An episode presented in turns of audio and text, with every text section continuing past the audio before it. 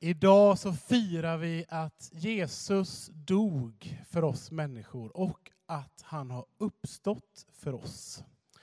Och Agneta läste ju texten som handlar om kvinnorna. Det var de första som gick till graven. De gick dit för att smörja Jesu kropp, för det var det man gjorde på den tiden. Men när de kom dit så var han inte där. Och de träffade en ängel som berättade att varför söker ni den levande bland de döda? Och de blev rädda. De blev förskräckta, de här kvinnorna. Och de vände hem till lärjungarna som hade gömt sig i ett hus i Jerusalem. Och de berättade för dem, han är inte död längre.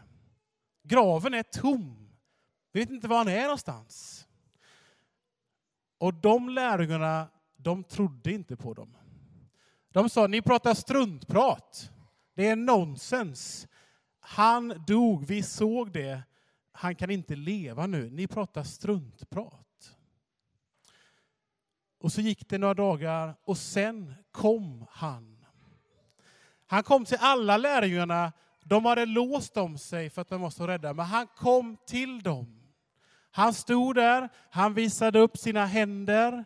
Se, här är spikhålen. Jag var på korset, men jag lever. Och det mötet som de gjorde med honom, den uppståndne Jesus, det förvandlade deras liv. Och sen så gick de ut i Jerusalem, utanför Jerusalem och sen ut i hela världen och berättade just om Jesus som hade dött men uppstått. Och de människorna, de var beredda att dö för det som de hade sett. Det de hade tagit på. För det var så de sa. Johannes han börjar sitt första brev med de orden. Det vi själva har sett, det vi har rört vid, vi har tagit på honom. Vi har hört med våra egna öron. Vi var första ögonvittnen.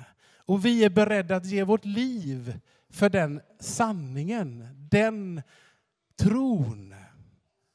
Att Jesus dog, men han uppstod. Och de flesta av dem fick faktiskt ge sina liv. Just för att de trodde på det. Och de berättade om det. Att Jesus var död, men han lever. Men hur kan du och jag tro på Jesus idag? Vi har ju inte sett honom så här, som man sitter ner. Vi har inte kunnat röra vid Jesus så som lärjungarna gjorde. Thomas fick till och med möjligheten att sticka fingret i Jesus spikhål här i handen. Det har inte vi haft möjlighet att göra. Så hur kan vi tro på att Jesus lever idag? Jo, att vi kan också få möta honom. Vi kan få ett personligt möte med Jesus och vi kan få lära känna honom. Att han är på riktigt, att han finns och att han vill finnas i mitt liv.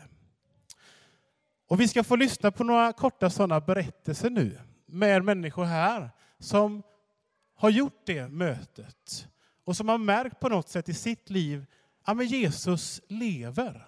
Han finns idag. Och Magnus, du ska få börja här. Du kan väl bara ställa dig upp och dela lite hur du har märkt det. Absolut. Jag skulle kunna berätta lite kort bara om hur jag började tro helt enkelt på Gud och Jesus och när det hände. Eh, det var ju så under, under min gymnasietid så eh, var det så att jag har, jag har en syster som eh, blev kristen. Och det tyckte jag var lite märkligt då. För jag har inte kommit i kontakt så mycket med människor som var det. Men jag funderade inte så jättemycket mer på det egentligen, utan jag levde på som, jag, som vanligt, som jag hade gjort innan.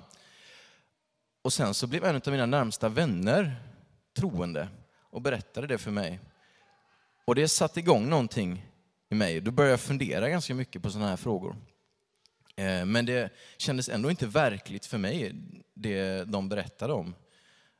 Att Jesus skulle ha uppstått och allt det här, det, det förstod man inte sig på riktigt. Och det, det kändes bara inte verkligt helt enkelt.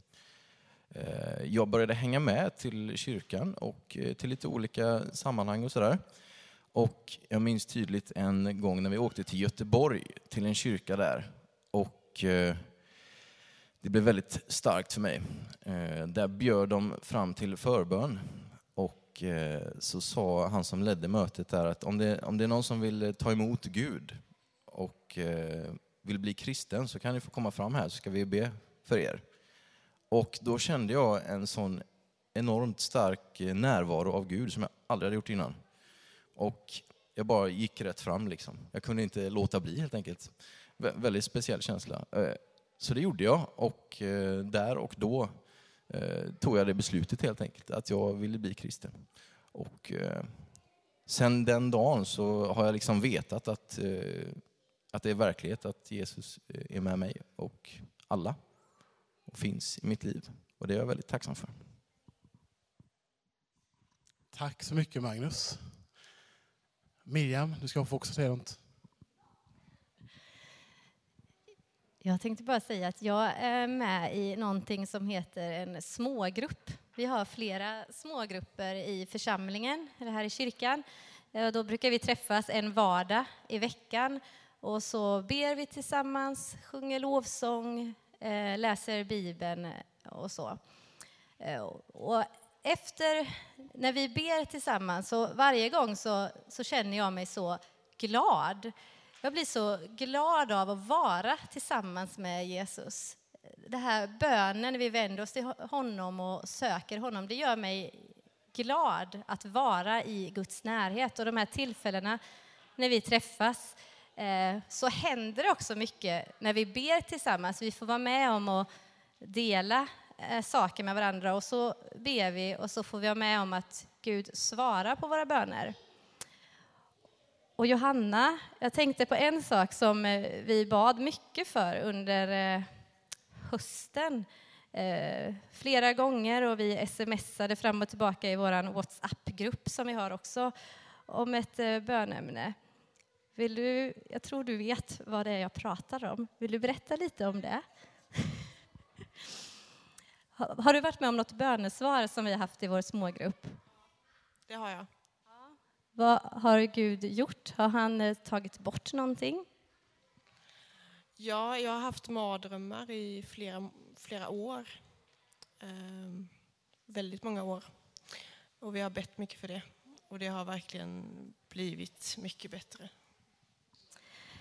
Och det kändes jättestort när Gud eh, ja, verkligen tog bort... Du har haft mardrömmar vet jag sedan du var tonåring, tror jag, och haft jättesvårt att sova på nätterna. Vi bad jättemycket för detta.